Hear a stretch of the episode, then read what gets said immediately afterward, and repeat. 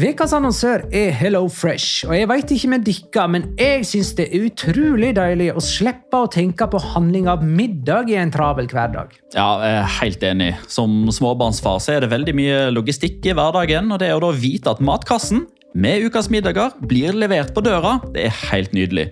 Da slipper du impulskjøp på butikken når blodsukkeret er lavt, og når du kommer hjem, kan du bare ta ut posen med dagens ingredienser fra kjøleskapet og sette i gang matlaginga. Ja, Du kan velge mellom 25 ulike retter hver uke. Og de har faktisk en egen kategori som heter Raskt og enkelt, med masse enkle og gode oppskrifter. Veldig greit å ikke måtte ty til takeaway hver gang det er hektisk på jobb. Jeg gleder meg spesielt til sterk chilikylling i min neste kasse. Jeg blir sulten bare av å tenke på det. Ja, Det er ikke feil med bacon og cheeseburger heller, da. Og det som også er bra, er at matkassen koster det samme hver uke, som gjør det enklere å holde matbudsjettet. Ja, og så blir det ikke matsvinn heller, fordi du får akkurat det du trenger til hver eneste rett. Hello Fresh kan absolutt anbefales, og bruker du koden vår, LIGALOCA, kan du få opptil 1779 kroner i rabatt på de fem første matkastene hvis du ikke har prøvd Hello Fresh tidligere. Du kan også prøve koden hvis du har avslutta abonnementet ditt for tolv måneder siden eller mer. Gå inn på hellofresh.no og bruk koden LIGALOCA. Bon appétit! Hallo? Jeg kommer fra Oslo politikammer. Ine Jansen er purk. Er du purk? The motherfucking bitch. Alt jeg vil, er å finne ut hva som skjedde med mannen min. Jon Carew. Er jeg sikta for noe? Iben Akeli. Det er du. Ole So, Lars Berrum og Big Daddy Karsten. Hvem sin side er du på, egentlig? Anette Hoff, Tone Danielsen, Kommer du fra Afrika? Jørnis Josef, Nesten. Kløfta. Trond Espen Seim. Det er synd å si det, men det var feil mann som døde. Purk. Premiere tirsdag på TV2 Play.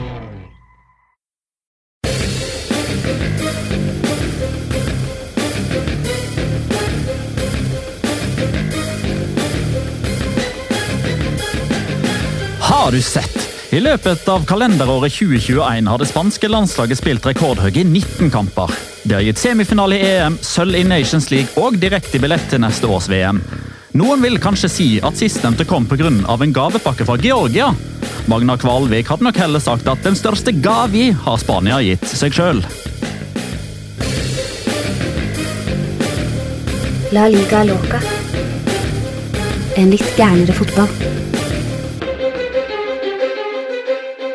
Ai, ai, ai. ja. Magna Kalek ble nevnt i uh, intro, men han er jo ikke her i studio i dag. Han er um, blitt syk, uh, og da vet jo alle at når uh, katten er borte, så danser musene på bordet, og der kommer det til å være fullstendig kalibalikk. Um, Shalom home, mitt navn er Jonas Giæver, og jeg er her sammen med deg, Petter Wæland. Hei.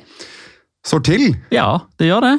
Er um, godt med et aldri så lite avbrekk fra klubbfotballen, syns jeg.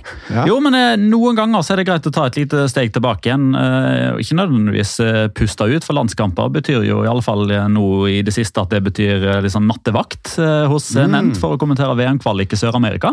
Det er jo veldig gøy, eh, men det gjør liksom at man, eh, man rekker å glede seg til eh, klubbfotballen starter opp igjen i Spania, og England, og Tyskland, og Italia, Frankrike, og Norge og alle andre land.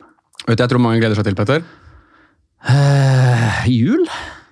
Blant annet, men jeg tror også det er et par som gleder seg til å få høre om uh, resultatet til første uke med La Liga Loca-quizen. Selvfølgelig. Nå har vi jo faktisk fått For et nivå, må jeg bare si. ja, ja. Først og fremst til alle de som lurer, vi har jo La Liga Loca-quiz hver uke. Nå de neste, når vi har hatt én uke, så er det tre uker til. Hver uke så vinner rundesvinner eh, en kopp.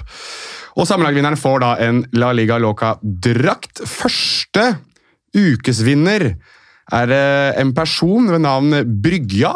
eh, Og han vant med ett poeng, han, Petter. 191 poeng foran fysiker og moromann på 190 hver. Altså, Nivået er så skyhøyt. Så vi gratulerer Brygja med seier etter første runde. Vi ber deg om å ta kontakt på Twitter, eh, La Liga Loca. Eventuelt eh, Petter Wæland eller meg, eh, Jonas Giæver, på, på Twitter, så skal vi få ordna en kopp. Og du må jo fortsette å spille for å være med om å vinne sammenlagtpremien på slutten. Det er da fcquiz.app slash la liga loca. Der kan du gå inn og være med. Når du hører dette, så er det en ny quiz klar for uke to. Og med det så er vi kanskje til og med også ferdig, Petter, med smalltalks-perioden. Eh, Det syns jeg var effektivt eh, bruk av smalltalk. Til, og med Magna Kvalvik sitter og nikker i anerkjennelse, tror du ikke det? Ja, Jeg hadde egentlig et par ting å ta opp her nå, men eh, det ble nei. Ja, men gjør det, da. Nei, jeg bare tulla. Nei vel, ok. Eh, du kunne jo tatt opp Patrion, slash Lilleklokka. Ja, men jeg føler, jeg føler det er litt ditt bord, Ja. og der tok du det jo. Så ja, la oss det. gå videre til Jeg det som som faktisk betyr noe. Det som faktisk betyr noe, er at Spania er klare for VM etter å ha først slått eh, Hellas 1-0 borte. Sarabia på straffespark. Og 1-0 hjemme mot Sverige. Alvaro Morata! Der altså. Kan du eh, huske, Petter, sist gang Spania ikke spilte VM? Vet du hvilket år det var? Uh, jeg vet at de nå skal spille sitt tolvte på rad. Hvis du regner tilbake nå, da. Ja, 12 ganger 4 er jo 48. Så det er 50 år siden, da. 1962 er det 66 62, da. Nei, bommer, bommer litt, altså. Kvalifiserte seg ikke i 1974. Da var de ikke med. I hvert fall, Det er i hvert fall slik eh, jeg holdt på å si Wikipedia forteller meg det. Ja, det er, ja, det er helt riktig. Det er bare hoderegninga mi. Um, ja. 2022 minus 50 er jo 1972. Mm. 1974, ja. Riktig. Uh, men uh, jeg har skrevet opp et par notater. altså Det er tamme resultater, egentlig. Uh, men de vinner jo uten Pedri, uten Oyarzabal, uten Ansu Fati. Får litt hjelp av Georgia, som du var inne på i introen din. De slår to motstandere de ikke slo sist gang. De spilte 1-1 mot Hellas og tapte jo eh, 2-1 mot Sverige på Friends eh, Arena. Hvor, hvor står eh, Spania anno november eh, 2021? Jeg syns de står eh, ganske sterkt, eh, men at det er en del spørsmålstegn. Definitivt. Jeg syns egentlig overskrifta til eh, The Spanish Football Podcast som kom ut tidligere i dag, som jeg hørte i bilen på vei inn, synes den var veldig bra. Liksom bare, det, det er mye sånn Ja, men! Altså, det er mye bra der, men Hva legger du i det?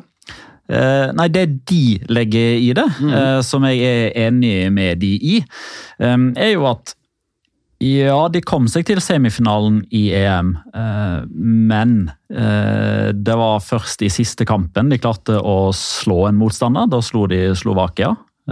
Riktignok bra, men det var liksom Det var ikke gitt at de skulle gå videre fra den gruppa etter hvert.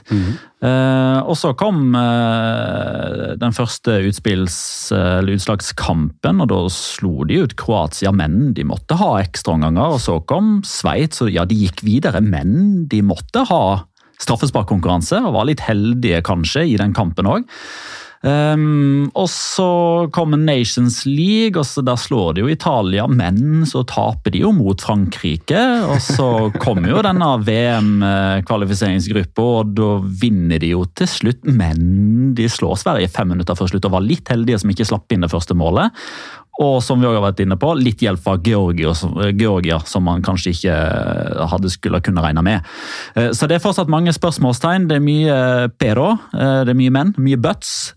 Men jeg syns den jobben Louise Henrique har gjort nå, fortsatt står til eh, godkjent, godkjent pluss, og vel så det. Og det handler i stor grad om at jeg syns Spania, basert på det jeg ser, er et av, om ikke det aller beste landslaget i verden, i form av å ha en klar plan som de utøver. Ikke nødvendig, altså De utøver det til punkt og prikke. Ikke nødvendigvis sånn at de lykkes med alt hele tida. Men hvis du ser på den identiteten der, hvis du ser på planen de har, måten de spiller på, det er så klart mønster, det er sånn rød tråd. Alle veit hva de skal gjøre. Alle ønsker eh, å, å være med og trekke i det lasset.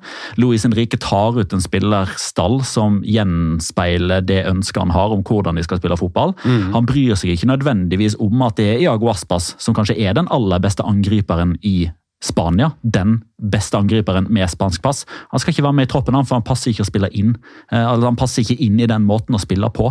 Um, så jeg syns, um, jeg syns det er noe herlig befriende over egentlig alt som skjer rundt, rundt La Roja nå. Eh, og det er jo delvis pga. at det er en god del eh, unge, fremadstormende, spennende typer som er en del av dette prosjektet.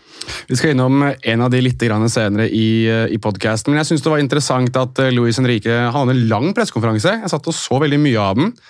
Uh, og alle de klippene som SE Fotball legger ut på Twitter, det er ganske fascinerende. for de som er, Det er jo en del av de som hører på som er spansktalende. Det er snakker han veldig åpent, veldig befriende. veldig sånn, Virket ikke som han var redd for å svare på spørsmål. Han er gjerne litt sånn si for noe, konfronterende i pressekonferansene sine. Han, han er ikke redd for å si hva han mener. Nei, men her sa han jo at eh, han hadde vært under et enormt press som han ikke hadde følt på i EM eller i Nations League, men det at de kvalifiserte seg til VM, det var som han hadde eh, gitt slipp på en ryggsekk som veide 100 kilo. At det var, dette var noe som satt langt inne for ham, å klare eh, det å ta Spania til, eh, til et VM-sluttspill. og det sier jo litt om hvor viktig dette har vært, vært for ham, og hvor viktig det er for Spania å, å bygge på den suksessfulle perioden de har hatt, til tross for at de har vært en underdog. Det er et lag som er i, eh, i utviklingsfase, som er i generasjonsskifte, og det tar meg litt over til vi har fått noen tanker, Han er ikke her i person, men Magna Kvalvik er jo alltid med oss i podkast, han skrev ned noen tanker som jeg gjerne vil, vil lese opp, spesielt ett poeng som jeg synes er et veldig eh, understreker veldig litt det vi skal fram til her. At dette er en generasjon spanjoler som må skrive sin egen historie etter tidenes beste generasjon. Så de, går, altså de går gjennom hele denne kvaliken med et enormt press. Eh, Og da blir den uka de nettopp har vært gjennom et slags testament på at de klarer å bære tradisjonen videre på egne ben og leverer når det gjelder som mest. Nå har de både levert et godt EM og kvalifisert seg for VM som gruppevinner. Ingenting av dette er noe man kan ta for gitt. Og Det syns jeg er veldig godt oppsummert på hvor Spania står i 2021. Og selv om veldig mange er kritiske til måten Luis Henrique både tar ut laget på, måten han spiller på, det at han ikke har klart å ha en helt definert keeperrolle eller en helt klart definert spiss, så klarer de fortsatt å sy det sammen til at de, de likevel er forholdsvis suksessfulle. da. Altså det, er, det, er, det er lag som, som tar sin Nations League-finale, spiller semifinale i EM, til tross for at alle egentlig har avskrevet dem før turneringen i det hele tatt har starta. Ja, ja, så sn- Snakket rundt Spania og spansk fotball nå er jo at det er nede i en down-periode. Ja. Uh, og det er riktig, men samtidig feil. Altså, Det er baksida av medaljen for Spania som fotballnasjon at de var så ekstremt dominerende på klubb- og landslagsnivå sånn totalt sett mellom 2008 og 2018. En tiårsperiode som går over alt enhver annen fotballnasjon har levert tidligere. Og det på et tidspunkt der det er mest penger involvert, mest prestisje involvert, fotballen er større, bedre enn noensinne. Så det Spania gjorde mellom 2008 og 2018 savner sidestykket. og det blir mer og mer imponerende jo lenger vekk fra det man kommer når man får perspektivet på det. Eh, og inn mot EM så var det ganske altså, Når man tok litt i, da, eller hvis man helgarderte, så kunne man kanskje nevne Spania i en bisetning, fordi Spania må jo liksom alltid være der. Eh, og når man eh, ser på hva slags spillere som har sagt takk for seg på det spanske landslaget nå, da, altså eh, hver og en nøkkelspiller fra den gylne generasjonen har jo gitt seg. Pyol, Piquet, Sergio Ramos, Xavi, Iniesta, eh, David Villa, Fernando Torres. altså Nesten alle er borte. Det er egentlig bare Sergio Busquets igjen. mm. og David Rea som sitter på benken. Eh, resten er nye, som har blitt implementert inn Ikke nødvendigvis i en ny spillestil, det er egentlig en gammel spillestil som Luis Henrique har funnet litt tilbake igjen til, etter at både Julian Lopetegi og Fernando Hierro og Albert Celades eh, de- har eksperimentert med det, både på A-landslag og på U21-nivå.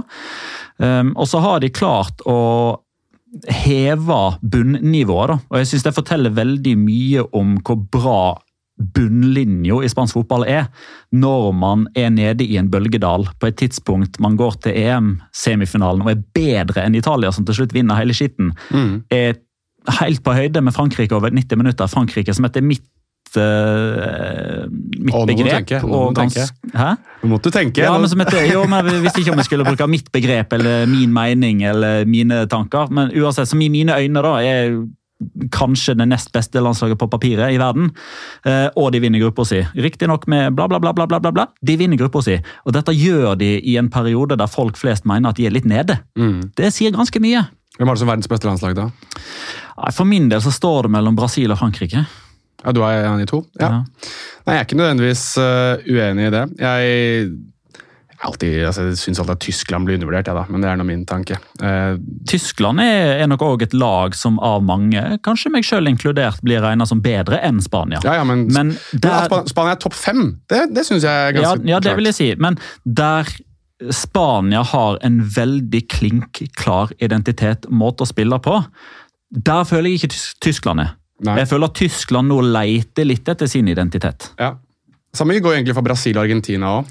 Nei, ikke så mye Brasil, for nå har jeg kommentert de siste 10-12-14 landskampene til Brasil, og jeg syns alle kampene deres er klin like. Ja, men da har de, de blitt sånn, i hvert fall. Ja, Da har de blitt sånn, ja at der har Teacher funnet ut av ting. Ja, for de var i en seriøs identitets identitetskrise, spesielt rundt da vi to jobbet med det i Copa America. Da Ja. husker jeg at det var et et tema. 2019 Ja, var det ikke det? Ja. Jeg tror det var 2019. Ja. Da snakket man jo om at de, selv om de vant, Mm. så var det fordi at individene sto fram, mens resten ikke helt dro i samme Mm. retning. Ja, dette her blir eh, selvfølgelig en digresjon, men uansett. Um, David Sundell, som er eh, en av de mest aktive på Twitter og sender inn mye spørsmål, lurer litt på hvordan føles det dagen etter kampen da RDT skulle bli helten? Antiklimaks eller helt greit at Morata skåret uten å stå i offside? Jeg Altså, jo- du skal få lov til å svare på den først, Jonas. ja, sy men de som, de som kjenner meg, og du kjenner meg, Petter du, Jeg syns jo det er gøy med narrativ. Jeg syns det er gøy når en underdog slår litt tilbake. og eh,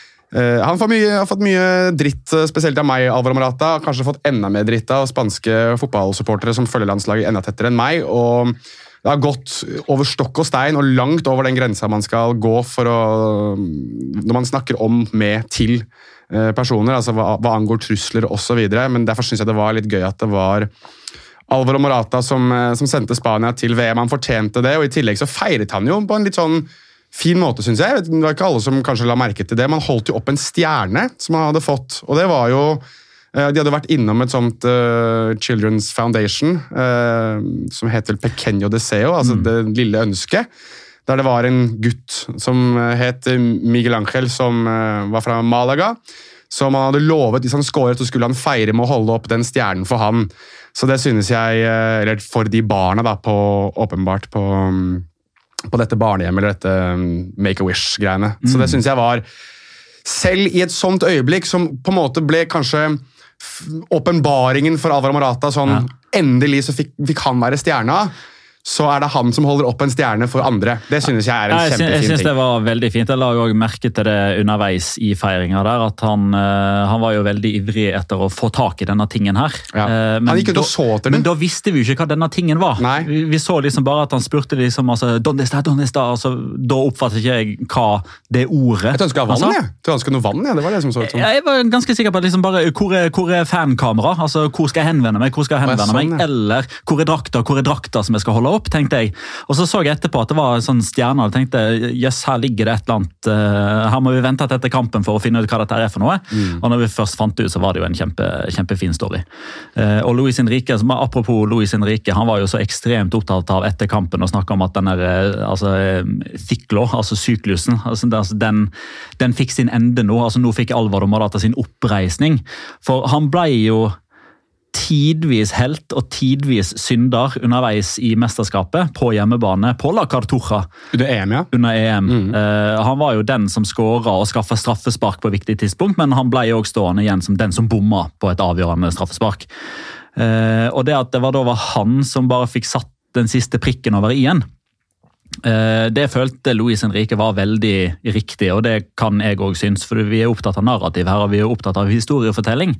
Mm. Og det at det er Alvar Morata som da får satt eh, prikken over i-en, eh, kronen på verket, spikeren i kista, you name it, det, det syns jeg var litt fint. Um, og så var det en annen ting jeg tenkte på, um, og det er jo at den man tenker jo i utgangspunktet kanskje ved første øyekast at ja, men det hadde jo ikke hatt noe å si om den til 0-0 eller 1-0. For stillinga i gruppa så hadde ikke det hatt noe å si, for Spania hadde jo vunnet gruppa selv med uavgjort. Men det som eh, etter alle solemerker kommer til å være betydningen av seier kontra uavgjort, det er Fifa-ranking. ja. Eh, og det som er viktig å påpeke da, er at for øyeblikket så er Spania topp sju. En seier mot Sverige og en seier mot Hellas gjør at de garantert ikke kommer til å få færre poeng neste gang. Jeg vet at det er det som skjedde for da fire eller fem eh, år og en måned tilbake, det blir delita. Men den seieren her sikrer Spania til alle solemerker være førstesida når VM-gruppene skal trekkes. Eh, og det skal man ikke undervurdere effekten av. Da må jeg stille deg Jeg liker å stille spørsmål eh, i disse quiz-dager, eh, Petter. I august 2004, hva gjorde du for noe da? August 2004, nei da eh, hadde jeg nettopp begynt på andre klasse på NTG, så da var jeg vel seriøs, da. Ja, du, du altså For å spille fotball, da, eller? Ja. ja. I august 2004 så ble Gavi født. Eh, 5. august 2004. Det er altså etter at Zlatan Ibrahimovic hadde spilt både VM og EM for Sverige. Det er etter at Zlatan Ibrahimovic skåret den hælflikken mot Italia for å sende Sverige og Danmark videre fra gruppa, da Italia mente hardnakket at det var eh, korrupsjon mot dem under EM i 2004, som for øvrig ble vunnet av Hellas, for de som husker det. Gavi er da født 5. august, og vi kan jo si at eh, august 2004 da eh, brakte med seg en Gavi til spansk eh, fotball. Um, altså, den, den kampen, først og fremst her mot Sverige, det er noe av det råere jeg har sett. Hva angår forseringer, driblinger, pasninger. Det minner meg kanskje ikke like rått, fordi han var så ekstremt dominerende, men jeg husker jo at jeg så Isco for Spania mot Italia, vel på din bursdag, Petter. Hvis jeg ikke husker helt feil, i hvert fall bursdagsfeiringen din for noen år siden. I 30-årslaget ditt. Var, det er sånn statement-kamp fra Isco. Ja. Dette her føler jeg var en sånn statement-kamp fra, fra Gavi, som er markant yngre, åpenbart. 17 år gammel. Men ja, hvor skal man starte? Hvor skal man starte? Eh, Man kan jo starte med å si at man nå kanskje skal Skal vi, skal vi prøve å fri oss fra at han er så ung? Går det an? Ja, Det er jo det som er spørsmålet. Så går det an? Uh, Han er 17 år gammel. ja, jeg vet det. Det, er- det helt vilt. Og det er ikke sånn at, ikke sånn at han, er, han blir 18 i året. Han er nesten nylig Ja, ja. Han blitt ble nettopp 17. Ja. Um, og så kan man jo også si at det er jo ikke det er jo ikke mye som skiller Gavi fra Chavi. Høy. Men som du, som du har vært inne på før, og som jeg tror jeg har nevnt det sjøl òg, det er mer Iniesta i han enn Chavi. Rett og slett Ja. fordi han har den evnen til å ta seg forbi spillere. Mm. Eh, lokke motstandere mot seg for å skaffe rom. Mm. Eh, og så er det jo eh, Det kan jo fort være noe som tynger han òg, hvis man skal ha en sånn stor diskusjon. eh, Ikke her i Norge, selvfølgelig, men i Spania. Er han mest lik på Chavi eller Iniesta? Da, da blir det brått noen forventninger som kan være eh, vanskelig å bære. Mm. Men samtidig så man leser jo eh, intervjuer med faren, man hører podkaster der broren er med. Eh, man hører tidligere fotballtrenere, nåværende trenere som har hatt eller har Gavi, som bare sier at han er fullstendig uredd. Han tenker ikke på noe som helst, han bare går ut på det og gjør det fordi det faller han så naturlig. Og da blir jeg glad. Da blir jeg mer trygg på hans vegne om at dette presset som alle andre snakker om, hvis de ikke affiserer han nå, så tenker jeg at da kommer det rett og slett ikke til å affisere han. Nei. Med mindre han kommer inn i en periode der han ikke får ting til. Det det, er det som kanskje er liksom den ene fallgruva her nå. For fram til nå så har jo Gavi hatt det vi kan kalle for en sånn kometkarriere. Eh, de som kjenner Barcelona som klubb og som følger ungdomsfotballen, her vet jo at eh, Gavi har det gått gjetord om ganske lang tid. Så eh, altså Jon Coles på Twitter og sånn har jo skrevet om Gavi siden Twitter ble oppfunnet, nesten. Altså Gavi var knapt født, så begynte Jon Coles å skrive om Gavi. Så alle forventa jo på et tidspunkt at han skulle få muligheten, og at han hadde da redskapene, egenskapene til å ta vare på den muligheten. Ja. Men fram til nå så har han jo bare levert bra. Eh, hva skjer i det øyeblikket ting stopper opp litt? Ja. Eh, for hvis, hvis den kometkarrieren fortsetter, altså hvis han er så god i en alder av 17 og bare blir bedre og bedre, da må vi flytte taket. Altså, da må vi, da må vi kjøpe en ny verden med høyere tak, liksom. Ja. Jeg syns det er eh, Det er litt sånn Det blir en liten digresjon. Jeg syns det er litt gøy at du nå har Pedri, Gavi, Ansu Fati og Nico. Alle i samme klubb. Alle sammen skal muligens spille for Spania sammen. Det minner jo litt grann om Chavi, Iniesta, Busquets, og da, hvis vi bare kan bruke han nå for sammenligningens skyld, Fabregas, da de alle sammen var i samme klubb, samme, på samme landslag osv. Jeg kan jo ta med Pedro da. da. Ja, det Sa kan, du Pedro og Pedri, altså Chavi og Gavi? du kan godt ta med han nå, for så vidt. Så, så, ja, men begynner å se konturene av noe likt, da. Um, og da syns jeg det er litt gøy å dra fram det gamle sitatet som ble latterliggjort i sin tid. Av Ronald Koeman, som sa at Barcelona har en framtid pga. meg. Og han har jo plutselig fått et lite poeng, og da jeg, da jeg tenker Altså, Han har jo i grunn ikke det, men han har jo gitt veldig mange av disse debutene sine og latt de eh, åpenbart få, få blomstre. Ja, for dem, der, der er det jo en litt sånn Ok, ga han de muligheten? Eller måtte han gi de muligheten? Ja, Men det blir litt sånn som Louis van Hall i sin tid har jo også kunnet slå i bordet med at Iniesta og Xavi kom gjennom i hans tid, f.eks.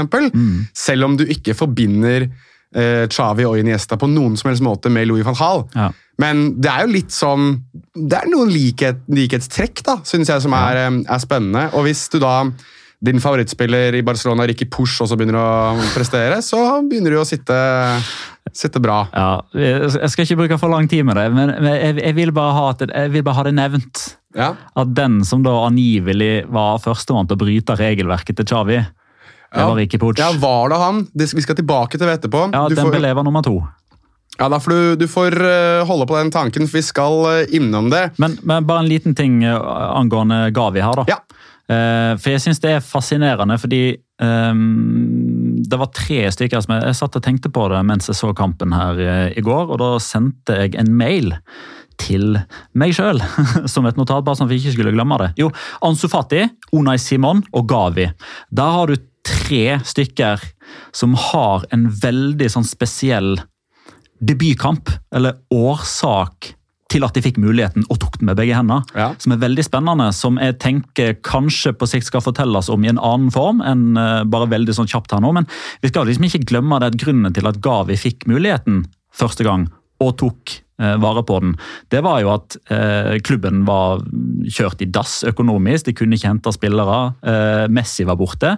Eh, og rent konkret, og han fikk jo debuten sin hjemme mot Retafe i tredje serierunde. Da var Dembélé ute med skade, Ansu Fati var ute med skade, Sergio Aguero var ikke tilgjengelig, Gerard Piquet var ute med skade, Erik Azia var suspendert, og Pedri var ute fordi han ble spart etter et langt EM og eh, hadde fortsatt eh, sånn delvis eh, sommerferie. Og det er så fascinerende å se at alle de ytre faktorene og omstendighetene som da gjør at en sånn liten blomst får muligheten til å spire for første gang, og så blir det så vakkert. Ja, ja. Det er eh, tilfeldighetenes spill. Du har jo et par andre sånne karrierer som har startet på den måten. Også David Gea fikk vel sin start i Atletico Madrid fordi alle keeperne til Atletico klarte å bli skadet samtidig. Var- Ja, han var og- fjerde keeper, tror Han jeg. var det, han var det. Uh, Unai Simon fikk jo sjansen fordi Alex Remiro ble høy på seg sjøl når han skulle overta etter Kepa. Eh, krevde å få ny kontrakt med høyere lønn. Rett på benken, spilte ikke mer. Hei sann, Unai Simon. Og Ansu Fati, det har blitt en gimmick med at jeg sa det er ikke sikkert vi får se han igjen i Barcelona tror jeg, noensinne. Men det var jo fordi alle som kunne, al- altså alle som hadde offensive fibre i seg i Barcelona-troppen, var jo enten skadet eller suspendert, og derfor var Ansu Fati med i troppen. Mens vi er inne på spillere vi får se igjen i Barcelona-drakt. Dani Alves! Hoi! Dani Alves er eh, klar for Barcelona. Han har signert, eh, eller vil signere i hvert fall, en kontrakt som går eh, ut inneværende sesong. Han ville jo egentlig ha kontrakt som gikk på ett år, eh, altså sikkert da fra januar som kommer nå i 2022 til januar 2023, slik at han fikk eh, potensielt sett spille seg opp til VM, men eh, litt som vi spådde, eller i hvert fall som vi tenkte å foreslå for Barcelona i forrige uke, så mm, regner vi med at Xavi har en eller annen tolk som har tolket fra norsk til katalansk eller spansk, og at han har tatt rådet fra La Liga Loca om å signere Dani Alves, som da er tilbake i Barcelona. Tidenes mestvinnende fotballspiller er eh, tilbake. Og Det leder oss over til spørsmålet fra Jonas Feiring. Hvor god er Dani Alves nå, Petter? Ja, det, det er et eh, godt spørsmål. uh, og uh, nå er det nesten sånn, Jonas. Det er nesten sånn at for, uh, for ditt eget beste så håper jeg at du kommer til å si, i likhet med meg nå, at Daniel Alves i brasiliansk seriefotball har ikke fått sett så mye, for å være helt ærlig. Jeg kan derimot si at jeg så ham en del under OL. Ja, der var han god. Og der var han god. Eh, og en ting var at han var god, men han spilte jo òg Jeg lurer på om han spilte samtlige minutter av alle kamper. Det gjorde han. Over en ganske kort periode, altså intenst mesterskap over tid, mot ungdommer. Som jo er fulle av eh, både det ene og det andre. Og eh, lyst, og energi og eh, et ønske om å kunne vinne et trofé for landet sitt osv. Det er liksom ikke gamle sli... Det er ikke et oldboys-mesterskap. da. Han var liksom en av de store stjernene som skulle trekke ungdommene i riktig retning, og han klarte det virkelig. Mm. men altså, nivået hans nå la, la oss bare si det først, da. Det kan godt hende at det blir sånn. Men Dani Alves har ikke blitt henta til Barcelona for å styrke laget. Nei, nei, nei. Det har han ikke. Det er, det er jo bare Hør episoden fra forrige uke. Vi har jo diskutert det der. Eh, Men så kan det jo vise seg at han er i kjempeform. Ja. Og at han eh, blir altså Motivasjon tror jeg ikke noen kan stille spørsmål ved. Eh, han er supermotivert, og han har en vinnerskalle som går utenfor de aller fleste. Han er dønn seriøs i alt han foretar seg når han må, og så er han en spill-opp-maker når han må. Virker som nøyaktig det Barcelona trenger akkurat nå, og på bestilling fra Xavi. For han veit hva han får av Daniel Alves, og Daniel Alves har det den Barcelona-troppen trenger nå for å på den ene sida holde det litt i skinnet og ta litt tak, holde det litt i nakken, men samtidig frigjøre energi, ufarliggjøre ting.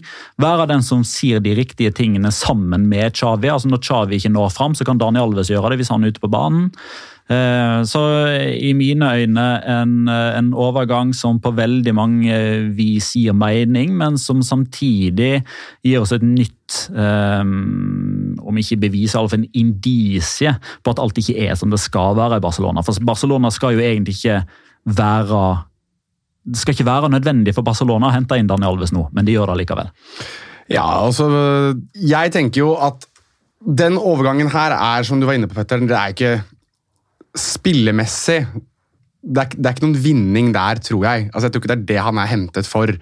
Og Det, det, det ser man jo også i, i kontraktslengden hans også. Altså, han skal ikke komme inn og, og forbedre laget noe sånn ute på banen, tror jeg. Altså, hans Sist kamp han spilte, var 23. august mot uh, Recife i, i den brasilianske ligaen. Altså i uh, det som blir Brasileirao, som det heter. Ehm, og det er jo for så vidt greit, det. altså Det er ikke så lenge siden 23. august, men det blir lenge, lenge, ganske lenge siden når vi da snakker om at han ikke skal debutere før i januar. Nei, Han får jo en eh, ganske lang eh, altså Han får jo en preseason, da. Han får jo en pretemporada. Veldig preseason nå, men det er en annen En ting er å mm, være i preseason, en annen ting er å spille faktisk fotball. Og Barcelona trenger at han leverer hvis han skal spille, men jeg tror at det er det, det som vi snakket om forrige uke, at han er jo hentet inn som det jeg kaller en elder statesman. Altså en, en person som skal snakke litt høyere i garderoben. Når, når det begynner å storme, så skal han reise seg litt opp og si Hei, hør nå her.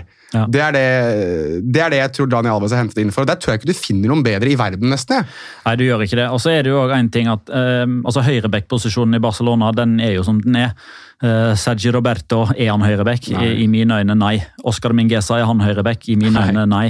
Uh, Serginho Dest har jo nå blitt brukt uh, de siste tre kampene vel som en høyre kant. Mm. Spørsmålet er jo om det ikke kan være et alternativ for, uh, for Xavi og Barcelona faktisk å bruke han i den høyre kantrollen i stedet for.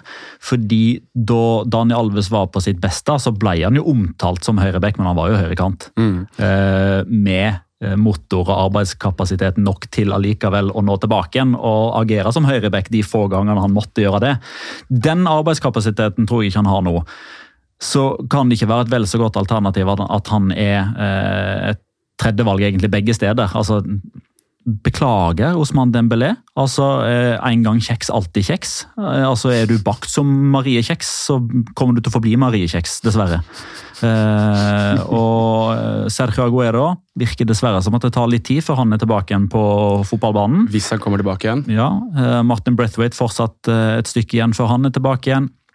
Ansu Fati, forhåpentligvis så får han en lang periode nå når han kommer tilbake igjen, der han ikke må ha sånne stadige tilbakefall, som er ganske vanlig etter en sånn type skade som holdt han ute i nesten et år. Da får de gjerne belastningsskader andre steder. Det får litt skjørere muskel... eh, hjelp meg.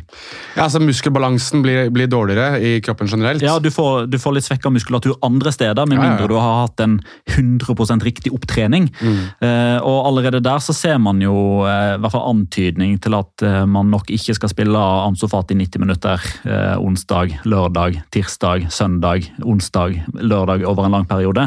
Det trengs alternativer der oppe òg, og jeg tenker Daniel Alves har ikke mista teknikken, han har ikke mista innleggsfoten, han har ikke mista fotballhodet sitt. Det han har mista, er nok kanskje eh, x antall meter med løpskapasitet og en topphastighet som kanskje ikke er like rå som den var før. Så jeg tenker, hvorfor ikke vel så ofte bruke han som en høyrekant? Mer kanskje enn en som høyreback? En ting han ikke har mista, er nok snakketøyet. Fordi jeg så um, Jeg har sittet og sett disse intervjuene, han har gått gjennom medisinsk test i dag, eh, mandag. og Der ble han stilt ett spørsmål av eh, den som da jobber for FC Barcelona. og Han snakker, jeg kødder ikke, i over tre minutter på det ene spørsmålet. Jeg har aldri sett en fotballspiller snakke så lenge på ett spørsmål uten å la intervjueren da komme til igjen. Og det var ikke sånn sånn der klippshot hvor liksom ser at han trener underveis, og så er det et spørsmål som du ikke hører mens man svarer på. Det er han som snakker uavbrutt i tre minutter. Det er um, Daniel Alves i et nøtteskall. For øvrig også en spiller som sto for den deiligste avvæpningen av rasisme jeg noensinne har sett. Ja. Da det var en, Hvilket lag var det de spilte mot da? Det var Villarreal. Det var Villarreal, ja. Det var eh, en Villarreal-sport som kastet en banan etter han, plukket den opp, skrelte den og spiste den. Og i etterkant takka for energiboosten han fikk av det. Ja. Ja. Det syns jeg er eh, fantastisk. Altså, Men en, en veldig kjapp ting da, som, eh, som vi må ta. Når du, fordi Jeg var jo helt sikker på at når du begynte å snakke om Daniel Alves og noen hadde sagt noe eh, For når han var ferdig på den medisinske testen og hadde trodde vi da, snakka fra seg med den offisielle TV-kanalen til Barcelona, så sto jo pressen utenfor. Der, der svarte han ikke i tre eh, minutter. Der svarte han med tre ord, eller det blir fire. I'm forever young, sa han. Og så, for Han fikk spørsmål hvordan gikk den medisinske testen, og så bare I'm forever young, og så satte han seg inn i bil og kjørte. På engelsk? I'm forever Ja, young? ja. Daniel Alves der, altså. På engelsk nå òg. Han er jo en globetrotter, da, godeste Daniel Alves. Vært i det som er av land, nesten, virker det som. Med unntak av England, kanskje, og Tyskland. Så det var et par land han ikke har vært i der. Ehm, men det som, er det, det som er det interessante, er om man klarer å etterleve det som nå har blitt omtalt som Chavis ti bud. Nå har det jo kommet eh, en liste med regler. Jeg kan jo, jeg tror noen av disse her er blitt dratt litt ut for at det skal bli ti. Men jeg kan jo ta Det er vel egentlig bare seks regler, og så Ja. er det to som liksom komplementerer et par andre der, og så er det Ja. De ti da, som har kommet ut, som eh, jeg så at det var nevnt Jeg har jo tatt de, jeg tenkte jeg skulle ta de eh, kjapt her. Altså, spillerne må ankomme eh, halvannen time før treningen starter. Det var noen som lurte på hvorfor de må det. og Det er vel egentlig rett og slett fordi at man skal spise litt sammen, snakke litt sammen og kanskje gå gjennom et par ting før treningen starter. Bare for å ta det svaret kjapt. Jeg husker ikke hvem som stilte, men der har du fått det. Eh, treningsapparatet, altså trenere osv., må være på feltet to timer før trening. Eh, spillere må spise lunsj på treningsfeltet. Og så er det de to som jeg syns er litt sånn Disse her tror jeg ikke egentlig var nye, men de ble lagt ved. Altså Bøter er tilbake. altså Du får bøter for å gjøre, ikke gjøre visse ting, eller ikke opprettholde reglene. Og at bøtene blir verre jo flere ganger du bryter reglene, det tror jeg heller ikke er noe nytt, egentlig. Eh, spillerne må være hjemme før midnatt når det er kamp mindre enn 48 timer unna. Uh, det, som, det som blir omtalt som å trene godt for å være, være i laget, det er vel egentlig meritokrati. er vel det man skal fram til der. At du oppfører deg ordentlig, eh, du, passer du på at du holder reglene, at du trener godt, at du oppfører deg, så har du også en større sjanse for å være i laget. Slik det egentlig alltid burde være. At man skal kontrollere dette jeg var myntet litt på Gerard Piquet, man skal ha kontroll over ikke-fotball-commitments, altså ting du gjør utenfor fotballen. og Hvis ikke du klarer å holde kontroll på det, så er det en i trenerteamet som må ta ansvar for det for deg. Um, så Davis Cup og streaming og sånt nå kan fort være at det ryker litt for Gerald Piquet, og kanskje også Sergio, Aguero når han er tilbake i laget. Ja, men altså, Gerald Piqué han skulle jo egentlig være med i El Hormiguero, Ja. som er dette talkshowet der Ja. Dani Pareja har vært med. Han har vært med der før. Jago Aspas har vært der. Han skulle egentlig være med denne uka her. Chavi bare mm -mm, det, Nei. Det, det blir nei. Det blir nei. Eh, ingen mer høyrisikosaktiviteter, altså er det vel um, Og der gikk Ricky Puig på en smell. For det, eh, det innebærer bl.a. at du ikke får lov til å kjøre rundt på elsparkesykkel. Det gjorde Ricky Puig. Er det der han har røket, altså? Der gikk han på den første okay, smellen, Okay. ifølge Sport. Jeg trodde det var det siste, ja, at man alltid skal eh, vedlikeholde et eh, positivt image. Der er ikke Ricky Puig så god heller, syns jeg. Syns du ikke det? Det er vel der han er best. Jeg syns ikke det er så veldig fett når du driver og legger ut bilde av deg selv i shades og sånn der hm, smil når Nei, når Lionel Messi var ferdig. Ja, det var den, det. ja. ja. Mm. Jeg tenker liksom at det ikke var sånn Da er du ikke helt på ball, tenker jeg. Nei, men øh, Nei, er vent, vent litt nå. Ja? Tror du Rikki Putsch uh, Ja-nei-spørsmål. Tror du Rikki Ja. Putsch styrer sine egne sosiale medier? Ja. eh, Tror du det? Instagram tror jeg han styrer selv. Ok. Jeg har bare sett litt sånn um, Dette blir en liten digresjon. altså Antoine Griezmann. Uh, Nei, nei, nei. Av, og til så er jo han ute og melder litt på, på trav. I Frank, altså Han elsker jo trav og eier hester Ja, ja. og, og sånn. Eh, altså typ Midt i treningsøkta så kan det komme tweets fra eh, Anton Griezmann og Erna Solberg-gate eh, og nå med vi må stoppe å snakke om dette boikottgreiene. Den Facebook-posten som kom, kom jo mens hun satt på stadion og faktisk så på kampen. Så spørsmålet her er jo var det Ricky Pudge som gjorde det, eller er det noen som har ansvaret for hans konto, som ikke tenkte seg om? Ja, det, det bildet der, det var, jo det var jo veldig sånn in the moment-bilde. Det var et selfie, da. Ja. Så med mindre han tar selfier og sender til en sosiale medieansvarlig og ber dem om å legge det ut en dag etterpå det, Jeg vet ikke helt om jeg hadde Det var noen raske shades og noen fårete glis. liksom. Jeg vet ikke helt om Det var sånn, nei, det, det her må vi spare på til morgen. Dette må vi holde, for dette er kuler og krutt. liksom. Ja, ikke sant? Legg det ut klokka da det og da. Nå har Barcelona-fansen fått en sånn kjempenedtur. Messi er ferdig. La oss legge ut et lite plaster på såret. La oss legge ut Ricky Pooch med shades. Vi kommer til å få så mye pepper fra Barcelona-supporterne med disse Ricky Pooch-slaktinga vår. Men dette her er den gangen de gjør det. Eh, Men du sier at det er han som brøt reglene først. Den som har blitt nevnt i spansk medie, er jo Osman Dembélé, som kom tre minutter for seint. God nummer to. God nummer to. Eh, ikke overraskende at Osman Dembélé er litt sent ute. Selv om han forholdsvis var tidlig. altså 08.33 istedenfor 08.30. Ja, Der, der syns jeg man må ha litt sånn slingringsmonn, tenker jeg. Ja, for de første dagene. Ja, må få dere justere seg inn litt, vel? Altså, at han, altså Treninga starter tida, han kommer 08.33. Jeg tenker vi først og fremst må embrace uh, the improvement her. Ja, jeg er litt enig der. Litt enig der. Vi sender, eh, for de som ikke har hørt Vi har jo en eh, ny eh, del av La Liga Loca som vi kaller for La Charla. Den samtalen. Der, har vi, der prøver i hvert fall du, Petter, å par ganger i uken eh, ta opp de viktigste temaene i spansk fotball eh, på maks ti minutter. Du har faktisk ikke overgått ti minutter noen gang ennå. Det har ikke jeg heller den ene gangen jeg lagde en. Mm. Der, det får man tilgang til for øvrig via Patrion på laveste nivå, på 50 kroner i, Ja, ja, måneden. alle, skal få. Ja, så den mener jeg at det rett og slett er veldig god value for pengene. Der nevnte vi litt om Sergio Aguero sin situasjon.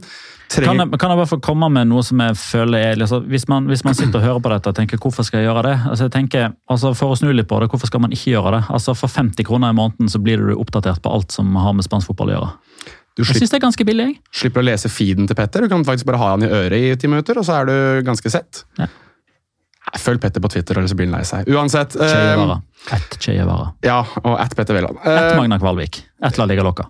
Ja, da har vi fylt alle flater. Vi kan prøve å gå litt gjennom eh, noen nyheter i ligaen. Fordi Villarreal har jo Og det må jeg si, det er et statement fra Viareal først. så makter man å holde fatt i Ona Emery. Altså man, han går ikke til Newcastle, blir værende hjem. Første som signerer ny kontrakt, er Mano Tregeros til 2025.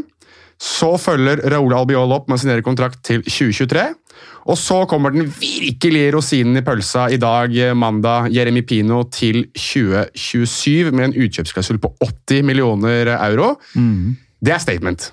Det er statement. Um, og vi snakker mye, med rette, om Gavi, Nico, Ansofati Pedri. Pedri. Og vi kan snakke om ganske mange andre òg, som er på vei opp og fram med den nye spanske generasjonen. Ugo Giamon. Der stoppa det.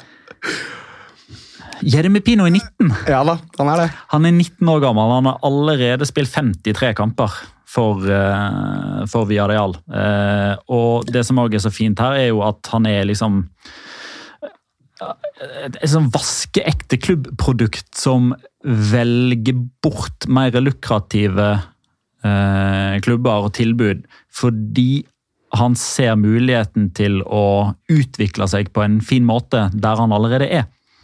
Eh, nå har ikke jeg noe sånn her eh, studie på hvor mange prosent som har valgt den ene eller den andre veien. Men, og, og, vi hører som regel bare om de der skrekkhistoriene med folk som flytter for tidlig på seg, og så kommer de tilbake Ja, sånn, ja. med, med liksom, lua mellom eh, beina, holdt jeg på å si. Halen mellom beina, beina. eller lua i hånda. Lua i hånda, skjegg i postkassa. Ja. Mm. Kjært barn har mange navn. Eh, men Jeremy Pino velger da altså å bli værende i Viareal, og da tenker jeg, da har mannen på toppen, den eldste, som hadde muligheten til å ta over Newcastle og starta Football Manager Save med Unlimited på, eh, på funds. Altså Han har valgt å bli i Viareal. Ja. Og Jeremy Pino, som er kanskje det aller største talentet som har kommet opp fra ungdomsakademiet, eh, som kunne ha valgt eh, Real Madrid, Chelsea, Manchester City, Bayern München, you name it. Størst noensinne, det? Det største, ja, det sies det. Santi Casolla. Han var ikke så eh, Nei, det ble ikke snakka så mye om han da han var ung. Ja, det ble okay. ikke det. Nei, nei, ok, nei, Det kan jo godt være at han er litt sånn late bloomer-ish, men jeg bare tenker Santi Casol Ja, ja.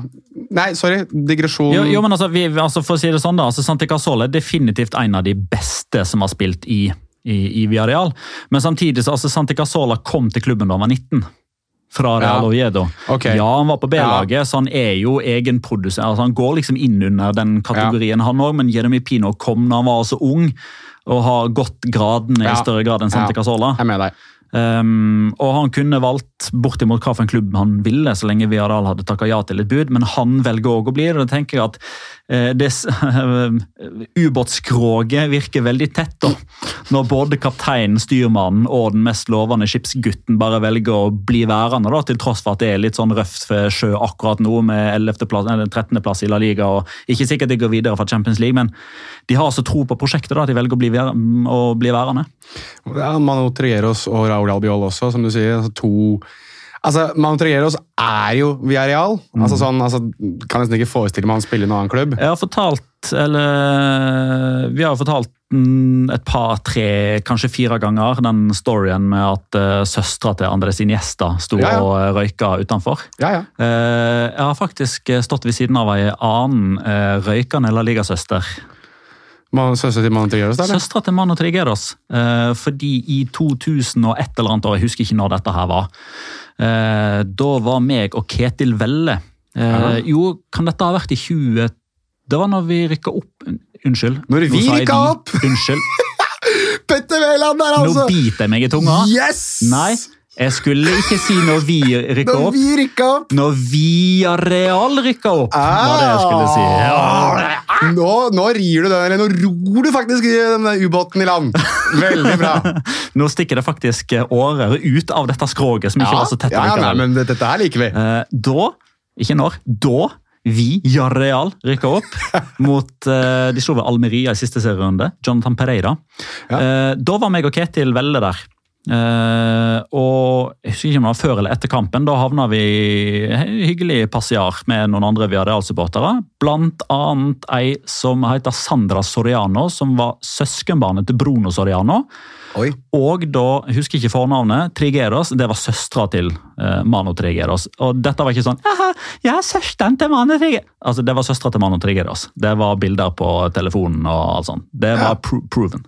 Så da har jeg eh, ja, da har jeg søstera til Niesta og søstera til eh, Trigeros stått røykende ved siden av meg. Lurer på hvem som blir nummer tre. Føljetongen fortsetter! Petter og søstera til føljetongen kan dere få eksklusivt på Patreon. Ja, Patreon. Jeg har faktisk bilde av deg ved siden av søsteren til uh, Andres Iniesta, så det kan jeg legge ut hvis eh, lytterne har veldig lyst. Um, det der, hvis vi begynner å få requests på det her nå Legg ut bilde av Petter og søsteren til Iniesta! Ja. Eller bare sånn oppdrag.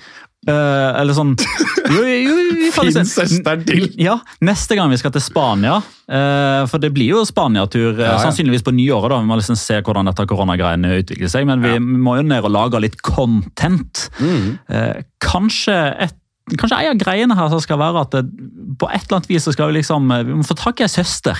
Ja.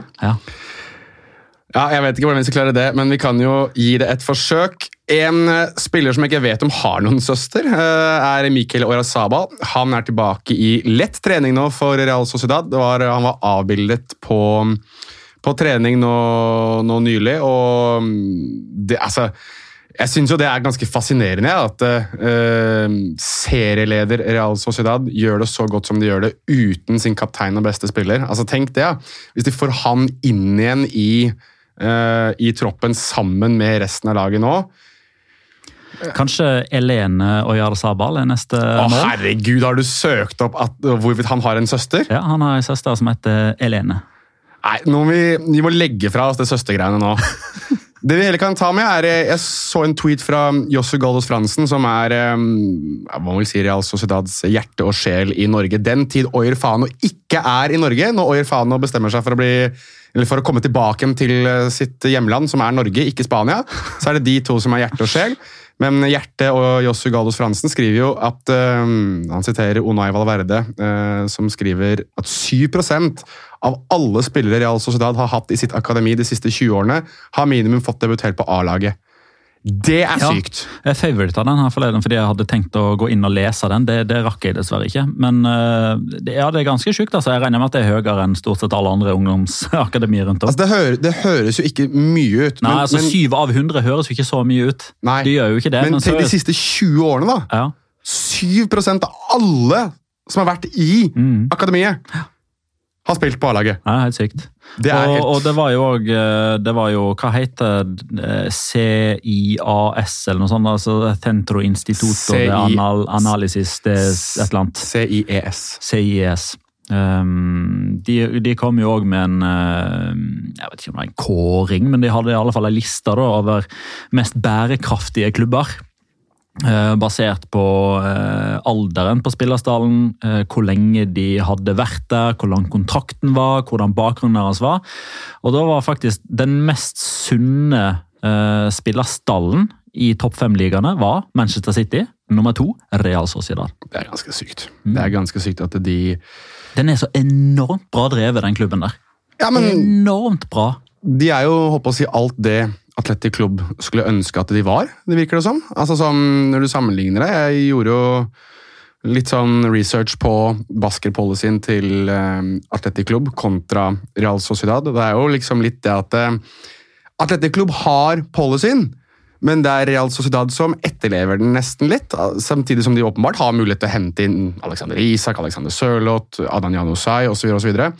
Men de klarer alltid å få inn egne spillere som de, eh, som de fostrer fram selv, sammen med typer som åpenbart Mikkel Merino, som de har hentet inn, som også er basker, men som nesten har blitt en sånn For veldig mange tror jeg, så er det, det er mange som tror at Mikkel Merino er Real Sociedad-produkt, i form av det at han har blitt så eh, Jeg kan kun det engelske begrepet 'intertwined' med hva Real Sociedad er. da, At han er en som lever hele det um, uh, La Real-etoset. Um, men en som ikke kommer til å leve etoset til, til, til sin klubb så mye lenger, det er uh, ser ut til å i hvert fall bli Alex Fernandes i Cádiz. Han er jo på utgående kontrakt, ifølge, og han har snakket med Onda Zero og sagt at han visstnok allerede er i diskusjon med klubber uh, om å signere um, gratis. Betis og Valencia er nevnt i hans forbindelse. og Altså, Alex Fernandes er jo broren til Nacho Fernandes. Det er jo det, er det man kanskje husker mest. Lillebroren?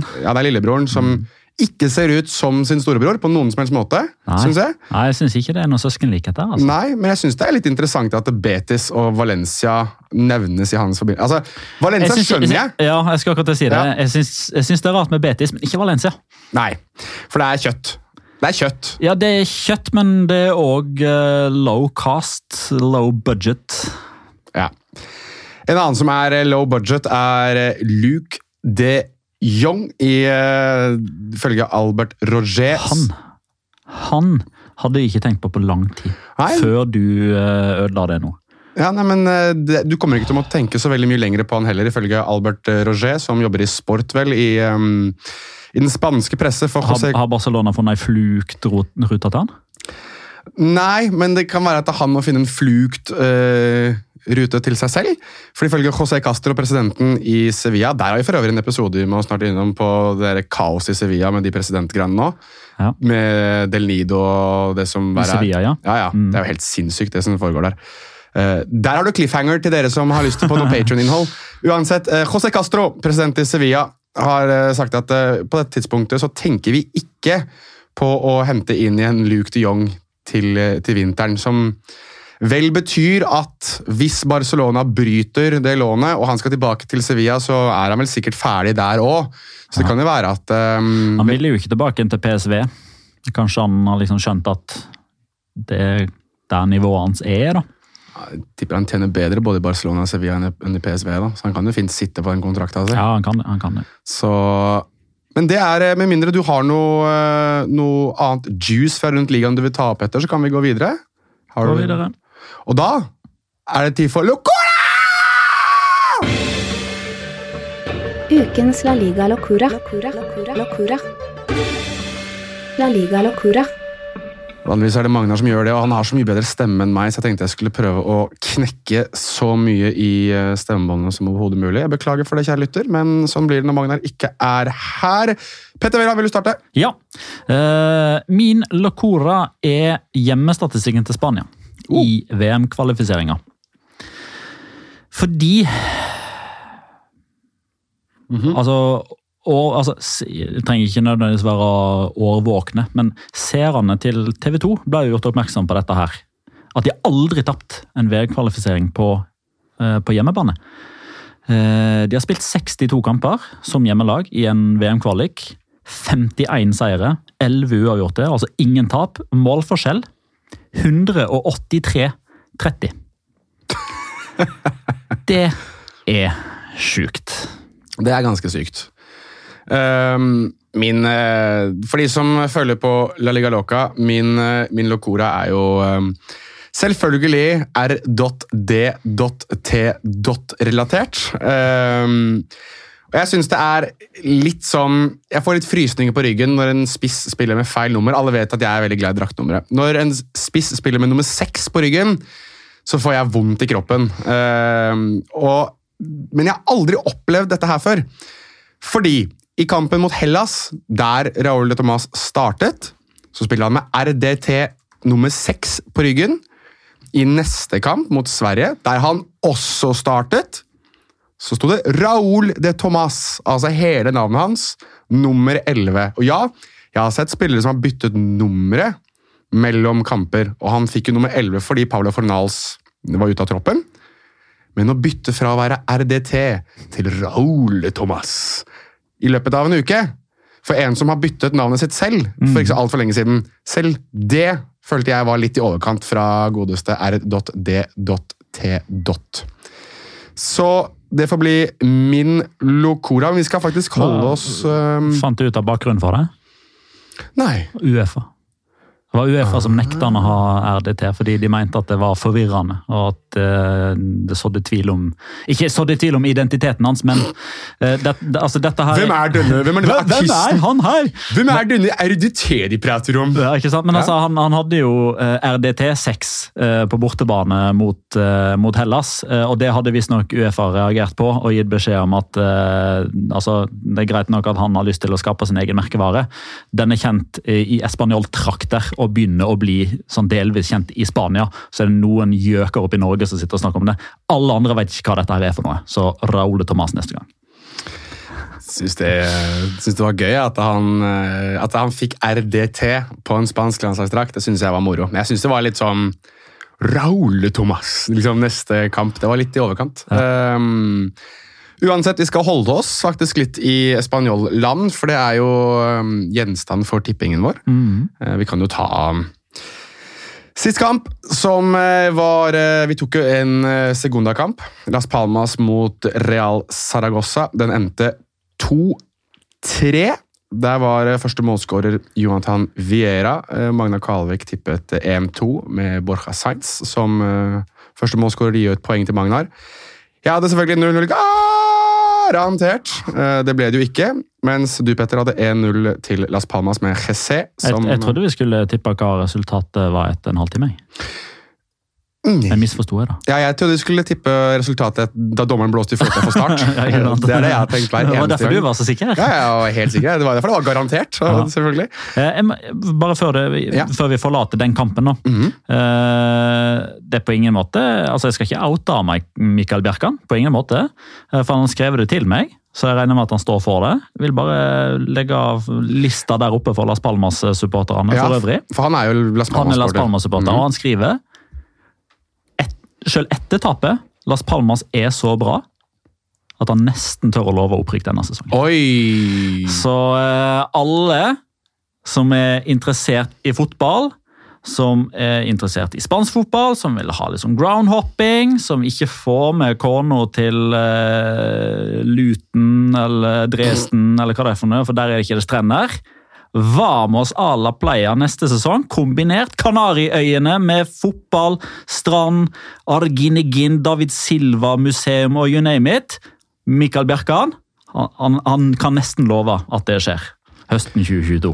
Litt digg da hvis eh, Mallorca blir værende i Primera og du får Las Palmas opp og Da har du faktisk grunnlag for to familieferier til eh, La Liga-destinasjoner.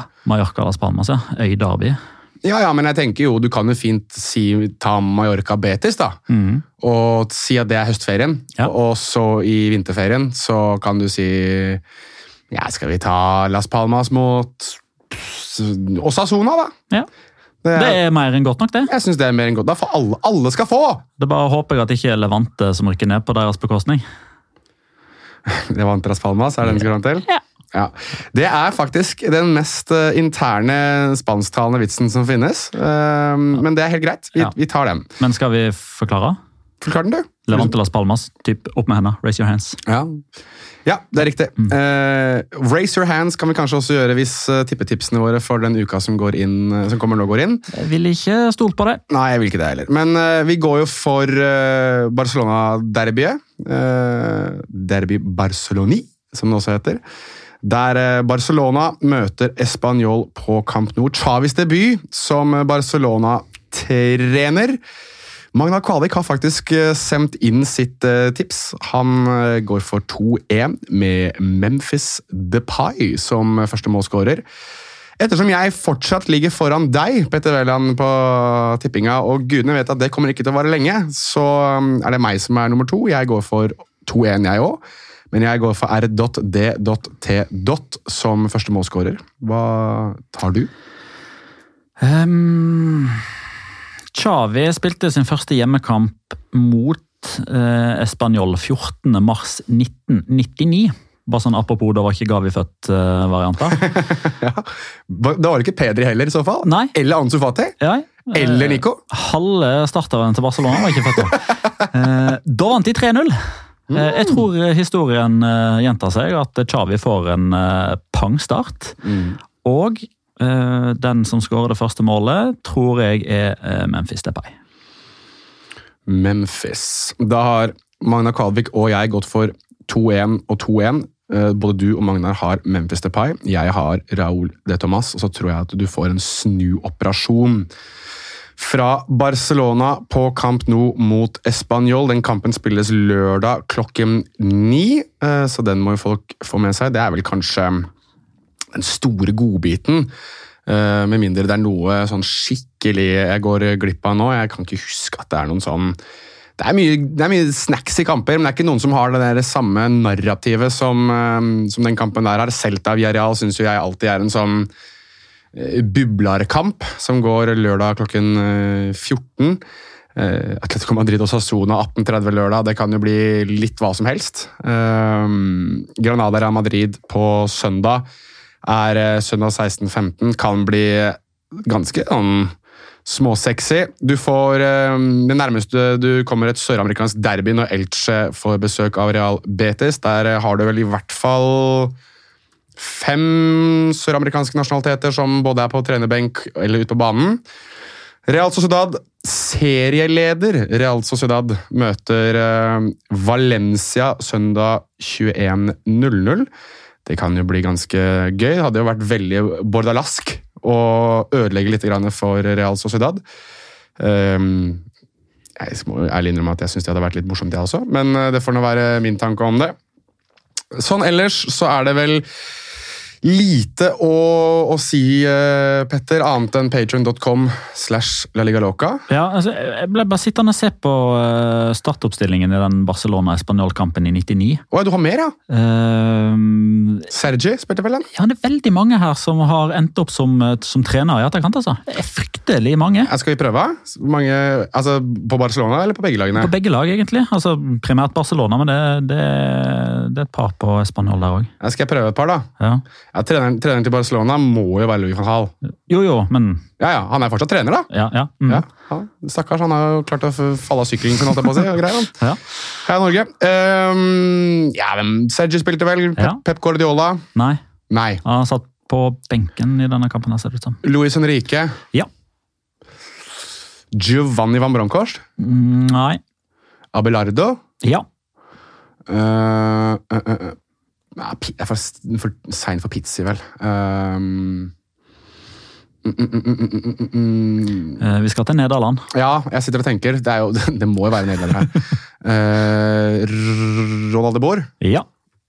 Uh, Frank de Boer. Han der òg. Ja. Så det er begge to, ja. Um, er det noen flere, da? ja. Hvilken posisjon da på banen? Forsvar. Det er ikke nødvendig, Du må ikke nødvendigvis ha vært hovedtrener. Aha, så det kan være Høyrebekk, Mikael Reisiger, har vært assistent i Ajax blant annet. Jeg, skulle, jeg tenkte på Michael Reisiger. Ja. Kunne vært der. Patrick Leufert. Han har vært assistent. Philip Koku. Han er hovedtrener. Vært i Derby, blant annet. Ja. Så da har vi altså 1, 2, 3, 4, 5, 6, 7, 8, 9 av 11. Eh, Luis Figo har jo ennå ikke blitt trener. Han skulle jo nesten bli Fifa-president. Eh, Ruud Hesp var han noen gang innom noe Ruud Hesp, glem det, ja. Sikkert keepertrener i Go Ahead Eagles eller noe sånt. Jeg vet, på det. han er, vet, vet du hvem som, Dette er min favoritt-Barcelona-trivia. Vet du hvem som til slutt hektet han av? Ruud Hesp? Noen som husker Rafael Dutruel? Nei. Ja, ja. Det er, Rafael Dutruel, ja. Ja. Vet du hvem som tok over etter han? Rüşdi Rekpe Ja, Resper, ja. Det var, eh, som spilte med det der krittgreiene under Ja, ja, ja. Det var helt det. syk for Tyrkia i 2002! Og så var det egentlig ingenting i Barcelona. Så var det til slutt Victor Valdez som fikk plassen. Mm. Eh, Mauricio Pellegrino kom inn ved pause. For Spanjol. Nei, for Barcelona. Det tenkte jeg òg når jeg så det. bare, Hæ?! Ja, han hadde faktisk Sin første sesong i La Liga i 98-99 var for Barcelona, og så var det sju år i Valencia. Eh, og for eh, Spanjol eh, sin eh, del eh, Pacheta, Ja, som var i Uesca forrige sesong, og eh, Sergio Gonzales, som var Ja, Spanjol-trener. riktig. Fordi Mar Pochettino hadde ikke rukket å komme ennå. Nei. Nei, han kommer sikkert et par år etterpå, han da. Mm. Ja, men det Så det, det var en klok fotballkamp, vil jeg si. Det er mange framtidige trenere. En klok fotballkamp. Eh, jeg tenker at eh, vi avslutter på det, hvis eh, man er interessert i å delta i quiz, der man kan vinne kopp, der man kan vinne fotballdrakt, eller altså La Liga Loca-drakta. Ved sammenlagt seier så er det fcquiz.app slash La Liga Loca. Der kan du gå inn nå og spille quiz. Fordi det, denne, den, denne podcasten er ute, så er også quizen ute. Det er det som er det magiske med det å kunne publisere ting samtidig. Eh, man kan også gå inn på patreon.com slash laligaloca. Der er det alltid, eh, nesten, nesten alltid nytt eh, stoff for folk å høre, lese. Skråblikk på forrige serierunde skal komme veldig snart, så fort han som skriver dem får fingeren ut. Det er altså undertegnede. Uh, Jeg skulle forresten minne deg på å skrive det skråblikket. Ja, takk. Er det, noen, eh, er det noe mer da? Jo, Nei. merch. Merch. Det, det, den linken er så langs. det finner man inne på La Liga Loca-siden på Twitter. Ja. Vi høres når vi høres. Det kan jo fort være før helga, det kan fort være rett etter helga. Uansett. Tusen takk for at du har lyttet, kjære lytter. For Petra Wilhelm vil si noe. Ja. Eh, Jeg fikk eh, signert den boka til Rasmus Wold. Eh, For han eh, var på Storesenteret og eh, signerte bøker. Ok. Og da skrev han Hei, Petter. Takk for at du leste, kjære leser. Ha det, da.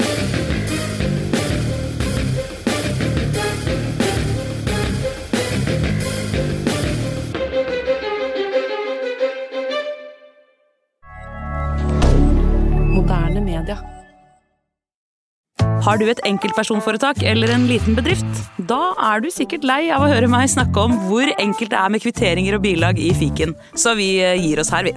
Fordi vi liker enkelt. Fiken superenkelt regnskap.